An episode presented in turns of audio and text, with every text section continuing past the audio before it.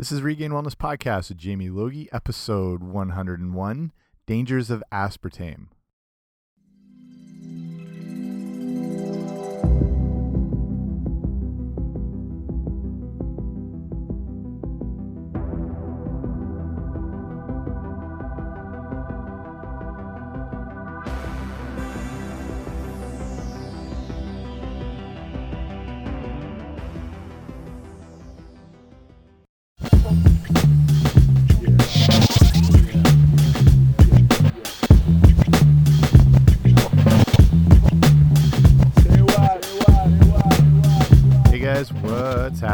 Welcome back to the podcast. I'm Jamie Logie. I run regainedwellness.com, and this is Regained Wellness Podcast. So thank you for joining me here today. If you've already subscribed, I appreciate that. If you haven't, go ahead and do it, which shouldn't be too hard if you're just randomly listening on a any sort of device, iPhone, Android, whatever. Just hit subscribe and uh, make sure you get the shows automatically sent to you each week. And if you didn't recognize the Stranger Things theme off the start, that might have sounded like a very ominous musical tone to start the show, but you can tell I just finished that series. I'm very and this is like November, so this show's been out for a while, but I'm very anti binge watching. Um, I think it ruins things when you consume an entire show or series within two days and then you have another year to wait. So now I like to start things really late not immediately, and then really stretch them out, which probably isn't the normal way to watch TV or whatever programming anymore. But I find it's better. But that I'm gonna you can fast forward through this, but that Stranger Things is absolutely brilliant. If you haven't seen it, um, if you have, you probably get it. If you grew up in the '80s as well, it's even more significant. Um, the the show's just a masterpiece. How it puts together all these different um, sort of genres from movies like E.T. and The Goonies to Nightmare on Elm Street to Halloween to even Jaws to all these different like every scene of that movie has um, connections to some of these various movies through the years, and then the like the fact that it's one of the only shows where the all four different story arcs are all working towards the same thing at the same time. So I don't know. I thought it was unbelievable. Um, yeah, if you liked it, let me know. If not, yeah, let's get to what we're talking about today, which is something I've covered before, but we're talking about artificial sweeteners and specifically aspartame because it is the kind of the king of the sweeteners. It's like the Michael Jordan of the fake sweetener world and pretty I I like to it's kind of like a recap show because I think it's really relevant to look into this again as more and more products are you know some things are starting to get away from artificial sweeteners. Like you're seeing example is the new coke i think they call it coke life. It's the new green coke that's naturally sweetened. I'm using air quotes here. It has less sugar. They're naturally sweetening it with stevia and the companies are getting away from artificial sweeteners as much as they're still massively prevalent. So I, am just wanting to um, inform you on this whole issue. If you see these things, you're like, why are they going with natural sweeteners? What was wrong with the artificial ones? This is going to clue you in on the whole issue. So, um, kind of summarizes a bit of what I did in one of the very first shows I did, more than what I guess more than a year ago now. So I thought good to return to it and check out everything there is to know about aspartame. Okay, here we go. Okay, artificial sweeteners and aspartame is probably one of my favorite subjects to talk about just when you look at um, the issues surrounding it, how this stuff got created and approved. It, it's pretty horrific from all standpoints here. So um, let's kind of look here. Like I said, people are becoming a little more aware of things they don't want to include in their diets now, and, and companies are sort of jumping on the bandwagon as people are more and more aware of their health. And like I said, they're removing things like artificial sweeteners, adding in newer and more natural based ones.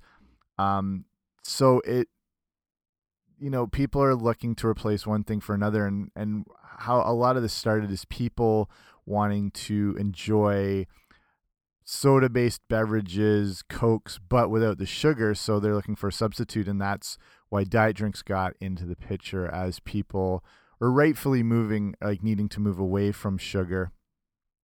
Um, you know, in the 70s and 80s, uh, a little more, even though that's kind of when our obesity and diabetic and heart disease epidemic really kind of went into full swing, I'd say, is kind of the, you know, the 70s being one of the last decades. Not that it wasn't prevalent with, you know, fast food and, and sugar and whatever, but it really exploded more into the 80s. And so kind of more of a demand for diet based things that came up as but we learned were really a more inferior type product as a lot of diet um you know products or things that came in packages where they took fat out of the equation because people were more on this anti fat movement as well but they had to replace fat gives you know food a a palatability and like a mouth feel that we really crave and when you take that out, you're basically left with like a dry cardboard type, you know, food or whatever you want to call it. So that's where these companies were adding in things like high fructose corn syrup and that's, you know, and trans fats and stuff. So kind of replace that full mouth feel that you get from actual fat. And the same thing with like the high fructose corn syrup. It would give a little more flavor and palatability to things and it would help for with things like you know browning characteristics if it was a baked related thing um, and just to kind of create a an alternate version that ended up you know causing just as much problems because it you know the added fat was removed but you had a whole bunch of sugar at the same time creating just as many issues for people. So you know lower fat products people would actually end up eating more of them with the you know, addictive properties that come from sugar and so, you know, as more and more people are exposed to different things like that and awareness of sugar diet came more and more into the beverage picture as much as the food picture. So it, it's one of the best tips I can give people who are new to starting to get healthy. If that's kind of your, your goal for next year, the end of this year, starting your health on track is really try to eliminate liquid calories. Just when we're talking about beverages and the switch to the diet um, kind of movement. I would say, especially if you can eliminate anything that you where you're drinking your calories, especially if it comes from high fructose corn syrup um, based sodas, because this is really the most unnatural form, like sugar in general, but this is the most unnatural form of sugar and just creates havoc in the body. Just like it's like rocket fuel for your insulin levels increases um, your LDL cholesterol levels, your triglyceride levels, obesity, all that. So if you can at least not drink, you know, and and it's hard to say, but this does go for juices as well too. Even if they're as natural as possible, you, you're getting some vitamins and minerals, but your body just sees it as quick, instant sugar. There's no you know fiber and roughage that comes from the natural form if you're to eat just say an orange compared to drinking an orange like straight orange juice like you know within seconds your blood sugar is elevated. That results in an inevitable crash you know that just you know throws your body out of whack. Then you're craving more sugar and the whole sort of vicious cycle keeps itself going. So that that's just a uh, recommendation i'd say right off the bat here. So looking at you know replacing one thing for another it would make sense that avoiding a high sugar drink for one without any sugar would be the perfect choice. But we're looking at diet cokes and colas and stuff like that, that might not be the best route to go. You know, since these things don't have any sugar, but they're still sweet. They're abnormally sweet. And how does that happen? Well, it comes from obviously artificial sweeteners. And aspartame is going to be the most famous or infamous and obviously well known of the artificial sweeteners. There's, you know, sucralose, there's equal. So I'll, I'll explain what the similarities and differences of all those different versions, like Splenda, whatnot. So, in the case of aspartame, it it'll sometimes go by in the you know like the manufactured name version of it is things like NutraSweet or Equal. That's where it's sort of disguised in. Um, they give it these you know a little more fresher, more natural sounding names to hide up the fact it's a absolute complete chemical, which it is.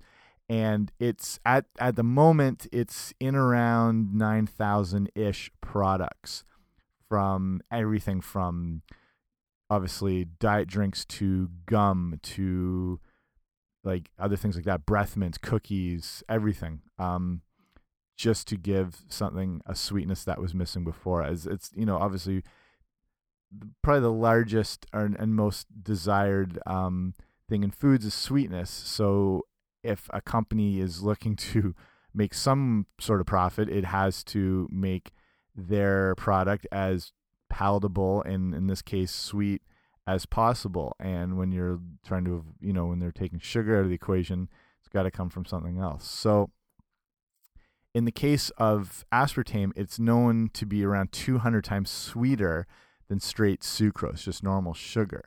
And its creation or its discovery was actually an accident by um, a chemist who was working on an anti-ulcer drug, which is really concerning that that's where this you know thing derived from. So started in 1965, and there is a chemist named James M. Schlatter or Schlater, and he was working for that big pharmaceutical company J.D. Searle. And if you don't know J.D. Searle, G.D. Searle, sorry, you probably they're owned by the giant chemical company Monsanto.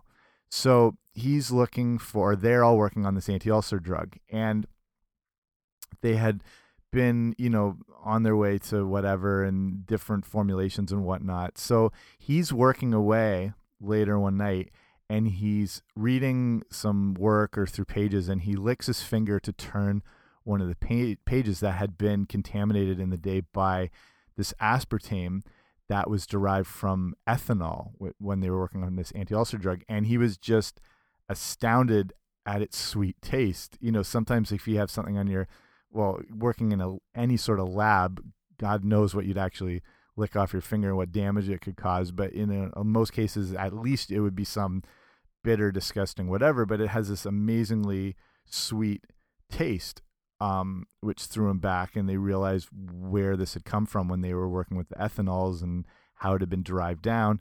Um, this was so. This is 1965. They don't report this till 1966, and then it wasn't actually even recognized as anything until 1969. So, like I was mentioning at the start, in the 70s, um, that use for a you know a low calorie you know low cal calorie movement is starting to pick up speed and there looks like there might actually be a use for something that can create sweetness in something um, you can take all the calories out from sugar, but still keep it sweet. And as normal, the financial light bulb lights over some people's heads, and an opportunity is recognized there. So this is where it gets interesting. Um, the first time it was put up was in let's see 1980 so this is when the FDA they originally disapproved of aspartame it had a board of inquiry board of inquiry is basically made up of uh, scientists, and they reported that it might induce brain tumors, which is horrifying just right off the bat. So, what happens? This ruling was challenged by the then president, or sorry, one of the chairmen of um, GD Searle and future Secretary of Defense, you might have heard of, Donald Rumsfeld. So he vowed to quote unquote call in his markers to get this stuff approved. So having, you know, obviously former connections in Washington, Rumsfeld would look to get his, you know, political pull in Washington rather than scientific means to make sure it got approved. He would just enable all those, you know, connections and power he had made, obviously with an interest because he's working for this giant company that makes this stuff. So then a lot of, a lot of problems in the 80s can be connected down to as far as as health things go, not not everything, but can be pinpointed to Ronald Reagan himself. So when he became president in when was that 80 81 whatever around that time well 80 and then i guess he would have been sworn in or whatnot the very next day, you can look this all up. I'll put links to all these things if you want to check them out. Regainedwellness.com slash slash 101. And the next day, he appointed a new head of the FDA called Arthur Hull Hayes. And this guy was handpicked by Donald Rumsfeld as part of Reagan's transition team, and you know starts uh, this Arthur Hayes guy starts a commission to question the original board's disapproval of aspartame from the FDA. So this he so he puts together um, whatever commission and it's got five people. So this five person panel voted three two to keep that ban to not let aspartame be approved by the FDA because of the brain tumor issue, all sorts of stuff. So uh, it's you know not looking like it's going through. Hayes then appointed a six member that he got to choose, and surprise, surprise, he ended up voting in favor. So it deadlocked the vote at three three. So then in you know just complete integrity, Hayes decided that he himself would be the tie-breaking vote. And of course, what did he vote for? He voted in favor of aspartame. So then, of course, like uh, uh, right out of like a House of Cards episode, Hayes he left the later left the FDA under allegations of impropriety, which mm, you know, shocking, which included him riding in the General Foods private jet. So General Foods, you know, big cereal maker, all sorts of different products, they would actually be one of the first major customers of aspartame as it was known through the NutraSweet brand.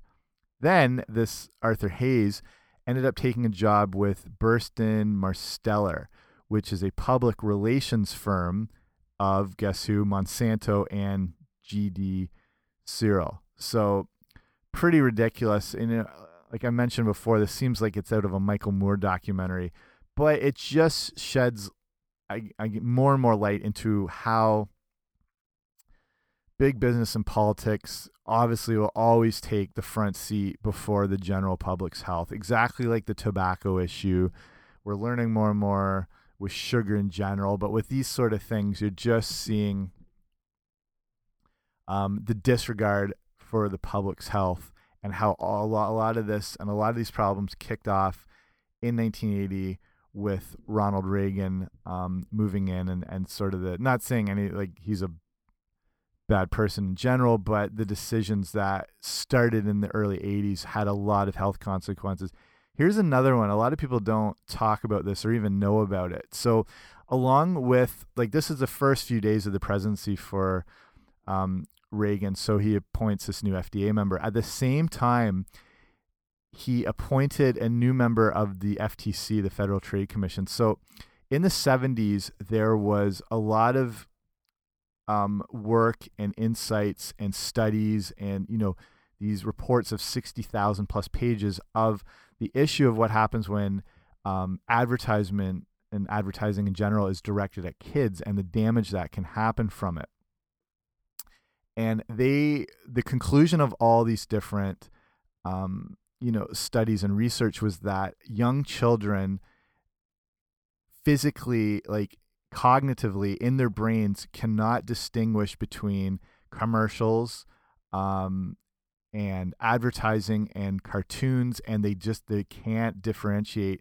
between any of them. All these things are the same thing to them whether it's you know watching the smurfs or whatever commercial pushing some sugary crap is they cannot distinguish between that. Older kids can, but the younger kids can't. So there's a real movement to avoid having advertisement done towards children.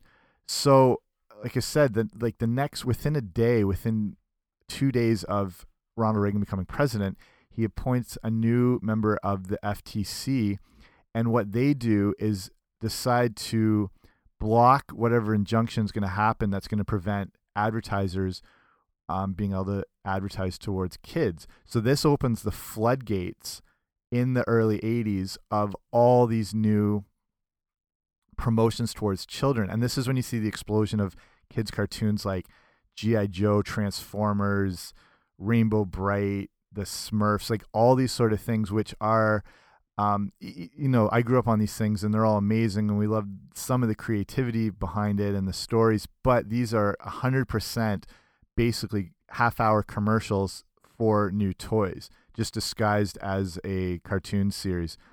Um, this is the whole point of these whole things is to push, you know, new toys and new products. And now all these companies have free reign. They basically the floodgates have opened. They can do anything. And while you, you see as well the huge um, kind of tidal wave of all these like kids cereals. Like you remember if you grew up in the 80s, you know, like Count Chocula, Frankenberry, Cookie Crisp, all these stuff that are done in a cartoon way and a thousand percent directed at kids. Not and not just cereals as well, but so many different sorts of cartoon based advertising for sugar laden crap and McDonald's went a little more the cartoon route and they, they even had a, a Saturday morning like Ronald McDonald cartoon thing. And again so kids they have no idea what they're watching if it's a commercial if it's real programming. And what actually was you know now technically real programming again is a thousand percent commercial to push this stuff. And you know like any kid then there's just the complete desire for these things. And same thing like me and the cereal as a little kid screaming for whatever sugary crap that I've seen on TV that I want. Cookie Crisp was always the one I wanted the most, I remember, because we couldn't get it in Canada. And those commercials were the most enticing. And I remember feeling screwed over even as a little kid. And, you know, if you've seen kids and families shopping in the grocery stores, sometimes the kids are going nuts. And just to shut them up, that's where some of these decisions are made. And another thing with the cereal, walk through a cereal aisle. Um, the, the the kid friendly not they're not friendly at all but the kid promoted cartoon based cereals are all have a look they're lower down on the shelves. They're right at kids eye level. So it's the first thing kids see the first thing kids demand. And you know for parents who are just overwhelmed with it all sometimes that's the decision. Um, and there's a million other products as well too. So in, on, on the toy aspect with things like you know gi joe and transformers and whatnot you know at the least it's you know just you know, um, commerce gone wild just to sell toys that aren't going to hurt any, you know, one technically, um, compared to, you know, food and health related things. But they all sort of worked hand in hand together. And then this is interesting. Sorry, this is a complete tangent, but in so in 1988, so this whole thing is, you know, people have been doing the work, doing the research to try and avoid the, children's advertising in 88 they're starting to see yeah this is getting really bad. This is when the you know say sort of the modern day obesity epidemic is starting. More fast foods being consumed more sugary manufactured products soft drink sizes are getting bigger. The whole deal um, these you know commercials for kids are just going haywire now. And congress and the senate and the house of representatives they started a bill to block all advertising for the kid or to to hugely minimize it and that there'd only be a little amount of time. It's something like, you know, a few minutes per hour that could actually for of television hour that could be used um, for advertising specifically to kids. Um, it, and this bill is passed completely 100% by the Senate. And I believe in the House of Representatives, it was, it's like 300 to 80 or whatever. So overwhelmingly approved. It lands on Ronald Reagan's desk to sign. He vetoes the whole bill just to keep these things going. So I, would imagine that there is a connection between you know these um, companies and manufacturers and commercial companies or whatever that you know probably have some something in the back pocket of the government at this point and probably always will. But in the case of the of, of kids and children's health, that that was a, a massive um say um dark day for you know just how youth are treated, how they're seen as targets.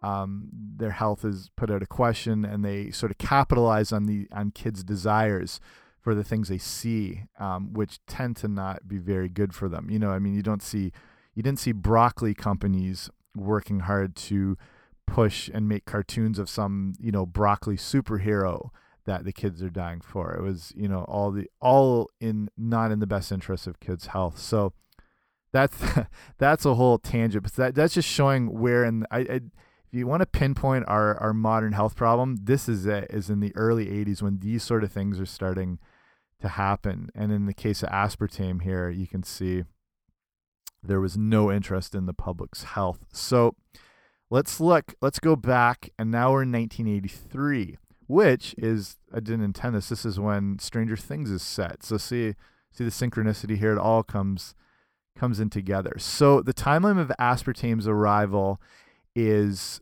like I said, it was used by um, J.D. Searle and they were working um, with General Foods, and they do a lot of you know like cookies and you know fig Newtons and all that crap that was around back then. But the big focus on aspartame was around getting it into diet soda and specifically diet coke.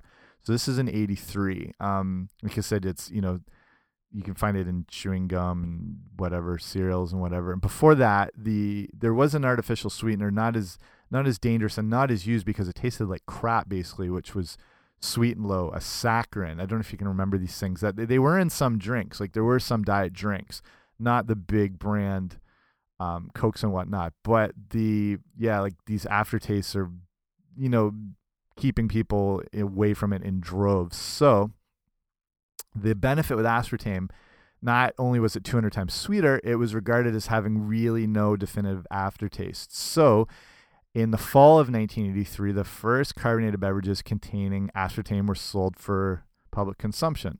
And again, you know, these things are new, and people are wondering, like, how in the hell is this thing so sweet? There's no sugar in it.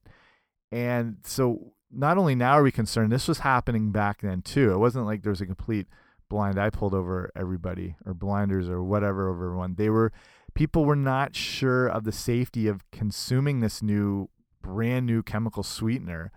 Um, there's an article from the New York Times I've got, again, if you want to look on um, my website, the show notes about this episode, regainedwellness.com slash 101. And this article is talking about all the, the issues and should we be drinking this. So people were very, very aware. Um, so let's look at how a chemical, how an aspartame or whatnot works in the body. So what happens after you drink, you know, a couple big sips of a diet coke? So what happens is these artificial sweeteners act as what's called an excitotoxin in the brain, and this is what is um, seen as maybe you know causing this potential nerve damage, and you know, and they talk about like the brain tumors, not from a few sips, but you know, so the the nerve damage. This is what's actually happening is it's associated with kind of that buzz you feel when you consume a diet um, Coke. So the long term exposure to these excitotoxins are seen to have addictive properties and looking to be, um, and then they're seen to be connected with many long term illnesses that affect the brain, like multiple sclerosis, um, brain lesions, Parkinson's disease, dementia. And it's so here's this is what's disturbing with this. In addition to that, one of the ingredients that make up aspartame is methanol. So it's made up of a few things. It's made up of phenylalanine, aspartic acid, and methanol. Um, in the body, methanol at a certain temperature, it's around like 70 something degrees, and our bodies are 98.6 degrees. So at at least that 70 degree point, methanol is oxidated into formaldehyde. Yes, the same formaldehyde that they use to preserve bodies and use in funeral parlors. And it's a known carcinogen. It's linked to retinal damage, birth defects, all sorts of things. Um, just that thing. If you if you talk to somebody who drinks a lot of diet soda, they're you can tell that they're basically addicts to this thing. Like they can't not drink it. Um, sometimes, not all the time, but some people who consume so much diet coke and whatnot, they sometimes report vision problems that arise time to time.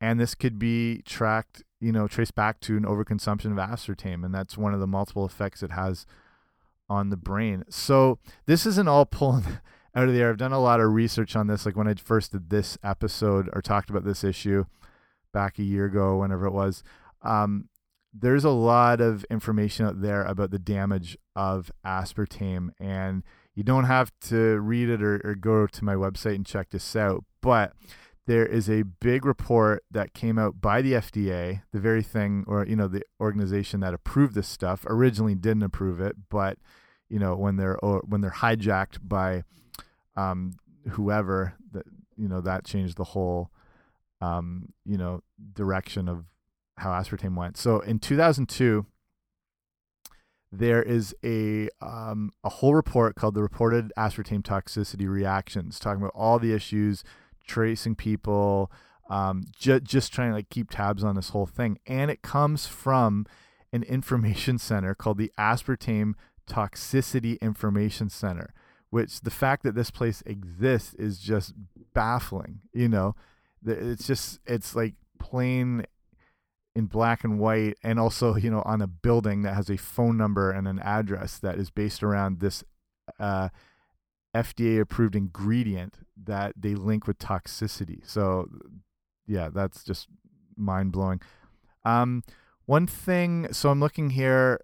I talked about in the other episode is about sucralose, which you might have seen in the form of Splenda, and this is kind of you know it's really been pushed as a more of a natural artificial sweetener when it really doesn't have that much of a difference. Um, it came a bit later. Splenda or sucralose was around 1976 when they concocted it, which is probably the best way to describe how the production process goes. Um, it was seen as healthier because it was derived from real sugar, unquote. And the issues are a lot of people say that it's not actually made from direct sucrose, like table sugar, but a similar type molecule that's a trade secret. And that's the side I would probably lean more towards. Um, in either case, the molecule, the difference between sucrose and sucralose is the molecule, there's one molecule that's chlorinated to change the physical structure of the sugar molecule. So they've, you know, they substitute in three chlorine atoms and it completely changes the composition of the whole molecule. It basically becomes a whole different thing. Um, sucralose comes with some of the same side effects, but some interesting blood sugar and insulin raising issues, which is really um, kind of ironic, which the reason people are avoiding drinking a sugar based beverage when they go to a um, sugar free version is to avoid the blood sugar issues, which is. Um, but first, looking at sucralose, there's some studies that show it has some poisonous effects on the kidneys and the liver, as well as it's linked to complications in fetal development. Um, different problems from aspartame, but you know, essentially, you're you know where the aspartame is more the cognitive issues and the brain issues, but you know, you're trading in one problem for another in this case. Um, this is interesting too, as most people notice on a or there's jokes about this made too. You know, artificial sweeteners made you know tested on lab rats and um, whatever. And there's various info though, so I mean this doesn't have to be taken as gospel truth, but with all the studies ever done on artificial sweeteners, the information says there's only been six that ever involved human subjects. All the other testing was done on lab rats and things like that. So whatever, I don't know if that, you know, whether it's true or not, just reveals it reveals that the issue and the status around things like sucralose is, is still up in the air. So um let's see here. I've got this is um another rate I was talking about that aspartame toxicity information center so not that long ago, so now in 2013, there is the Center for Science in the Public Interest, the CSPI, and they're trying to do good work to make people aware of these things and assess and give the ratings that some of these sketchy, sketchy things deserve. So they had downgraded the use of sucralose was once considered safe, and it's now down to caution. So um, anything, if a food has the word caution on it, I don't know if that's the ideal thing to be consuming. Like caution should be put up before a Keeping Up with the Kardashians episode and anything of that nature, and should be connected. Um, also interesting from this CSPI Center for Science and Public Interest, it gives saccharin and aspartame an avoid rating. So there you go. Um, so that's some of the toxic brain and body effects that come from these things. But I want to look um, and do kind of a summary again on the issue with why people are drinking these things in the first place, which is probably to lose weight, um, maybe you know get healthy in some aspect, but to start you know avoid calories, avoid sugar. Um, so here's the issue: when the body consumes an artificial sweetener, it's still consuming that sweetness. You know, in aspartame's case, it's 200 times sweeter. So there's no calories that come from anything or from this though. So your body is used to tasting something sweet and then it expects that a certain amount of sugar and calories are going to follow it. So with an artificial sweetener, obviously that's not happening. Since there's no in you know no calories that comes, the body starts to crave what it believes it was about to receive. It feels ripped off, and it's you know wants the sugar that it was expecting. Um, this can lead to carbohydrate and more sugar cravings, which if you don't you know manage, um, it's going to cause some issues with your weight loss pursuits. Um, some of this uh, is explained here at the Washington School of Medicine, and they found that artificial sweeteners can actually peak your blood sugar levels um, as the insulin levels in the body rose 20% in subjects drinking sucralose compared to water. So this also leads to an insulin drop, and then there's more, you know, there's more of a, a, craving for sugar again. And and the same time you when you you've had a diet coke before you you're craving more of the diet coke. It's a beautifully well not beautifully but incredibly amazingly engineered product that has its own consistent consumption cycle built into the product. Like you just want more and more of it. And when you combine it with um, caffeine it's a double whammy effect. So not only are you wanting to keep consuming this product it's going to make you keep having these sugar and carbohydrate cravings that are hard to ignore and at the same time you're craving more of the product that's making you crave the sugar. It's yeah absolute mess. Um, but pretty ingenious if you're wanting to sell a lot of these things and they are.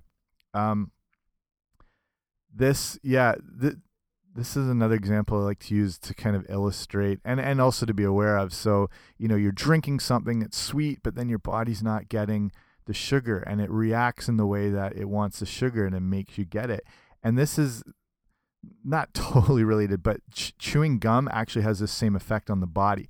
Whenever you're doing something that it resembles eating, you're like in the case of chewing gum, the chewing makes your body anticipate food. It's expecting that food's going to come and the body's going to spring into action to digest it. So um, you're, you're chewing gum and your body starts releasing enzymes and acids that are used to digest food, but nothing's coming because it, there's no food. It's just this act of chewing. This, in in turn, can lead to a lot of bloating and digestive problems. So, if you are a gum chewer, be aware of that. Or if you find you you sometimes have you know bloating and and you, you're having trouble um, digesting food, or you're cramping or whatnot, and you're a gum chewer, that might be the connection there. So, um, so what can you do?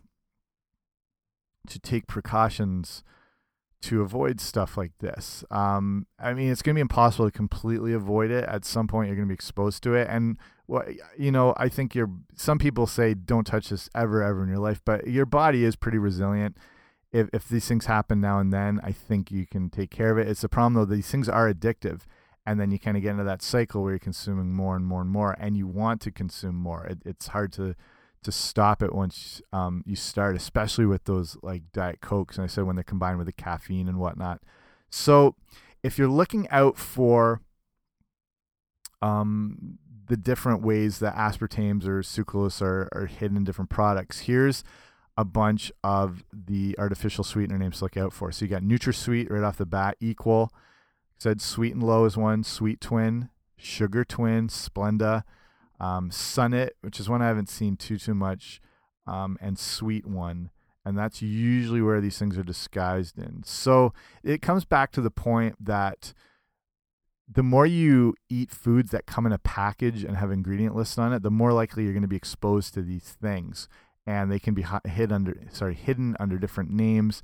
Same thing with the artificial um, flavoring issues; they can have dozens and dozens of ingredients under one name that you don't recognize and they're all sort of mashed together and you just sort of look the other way and consume it um, i get that people want sweet things we're, we're designed to crave sweet but our version of sweet is not uh, in this day and age is not what our bodies originally would have wanted sweet wise. We would have wanted when we wanted sweet, we would have wanted ripened fruit, which only would have happened, you know, various times in the year, not every single day when we can get crazy sweet ripened fruit every single day. I'm not saying don't eat fruit, but that's the type of sweetness we're, you know, designed and originally exposed to. Honey would be another, things like that. Um, our, our natural form of, of sweetness, which we get bombarded on us, is not even close to what our bodies are able to handle or designed to handle at all. So, um, if you are, like I said, if you can avoid drinking sugar based beverages, but you like a little sweet, whether it's in tea or I don't know, whatever, whatever else, or if you, you drink, um, like sparkling waters or soda water or seltzer or whatever you want to call it. Um, this is where you can one artificial, well, not an artificial sweetener. I've done a whole other show on this, so I won't get too much into it. Is stevia, and it, it's a little more promising. It's um, a little more naturally de derived from the stevia plant. Um, I'll, I'll, link up that show if you want to listen. It's a good one. Um, and, it, and it shows a little more promise, but I just don't want this to go too too long here. So I'll link up if the episode um, all about stevia. You can look for it if you just go on regainedwellness.com. But if you go to regainedwellness.com slash 101, I'll have all that stuff put together there. So um, cinnamon's another good thing if you want to give that flavor kind of sweetness.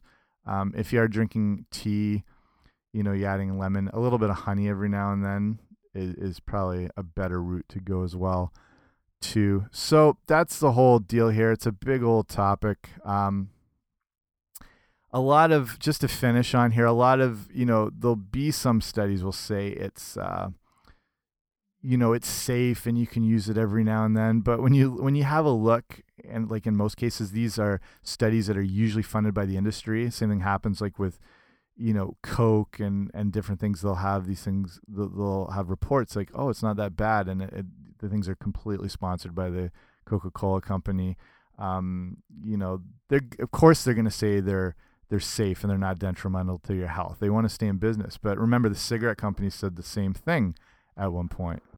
They had commercials with doctors in it that said yeah this is fine. Smoke these all the time. There there was um, Camel cigarettes had these like two page advertising spreads in magazines that had a doctor in it again that said smoke a fresh cigarette, give your throat a vacation. These are actual ads. Um, you know, it, it's good for your health. So I, I wouldn't trust these companies as far as you can throw them. And okay, here's the last thing. I had, I forget what restaurant. I was working in a restaurant um, a while back, and I kept this thing because it always stuck with me. It's from a pack of Sweet and Low and this might be different um, from depending on what country you live in because like package warnings uh, vary between regions and countries and whatnot. So here's a package of Sweet and Low, a artificial sweetener, and right on the package, it said this sweetener should only be used on the advice of a physician. so I mean, the fact that that has to be printed on a product is horrifying only on the advice of a physician. It's like it's a prescription to use this stuff. That's how potentially dangerous it is. So, again, you're not going to see warnings like this on a cucumber or a banana. You know, it, I'd say to sum up this whole show, the the more you can avoid something that comes in a package, the better you are going to be to avoid all these nasty, horrific type ingredients that can be hidden in anything. Okay, so let's cut it off there. Thank you for listening. If you had any questions on this or other things you want to see me cover or whatever, you can write to info at regainedwellness.com. Like I said, if you haven't subscribed already, please do. Um, leave it a rating and review if you can too. That get make sure more people get to see the show. And it's basically this show's anywhere where you'd find podcasts. I think almost everywhere, like um, iTunes, Stitcher, iHeartRadio, um, am I on Spotify yet? I can't remember. What's the other one I just got on? Um, oh, Google Play Music. Yeah, so it's on there. So anywhere you'd look, I should be there. Isn't that the? I think that's the Full House theme song, isn't it? Okay, whatever. Okay, time to end this thing. Thank you for listening. I'll see you next time. Bye.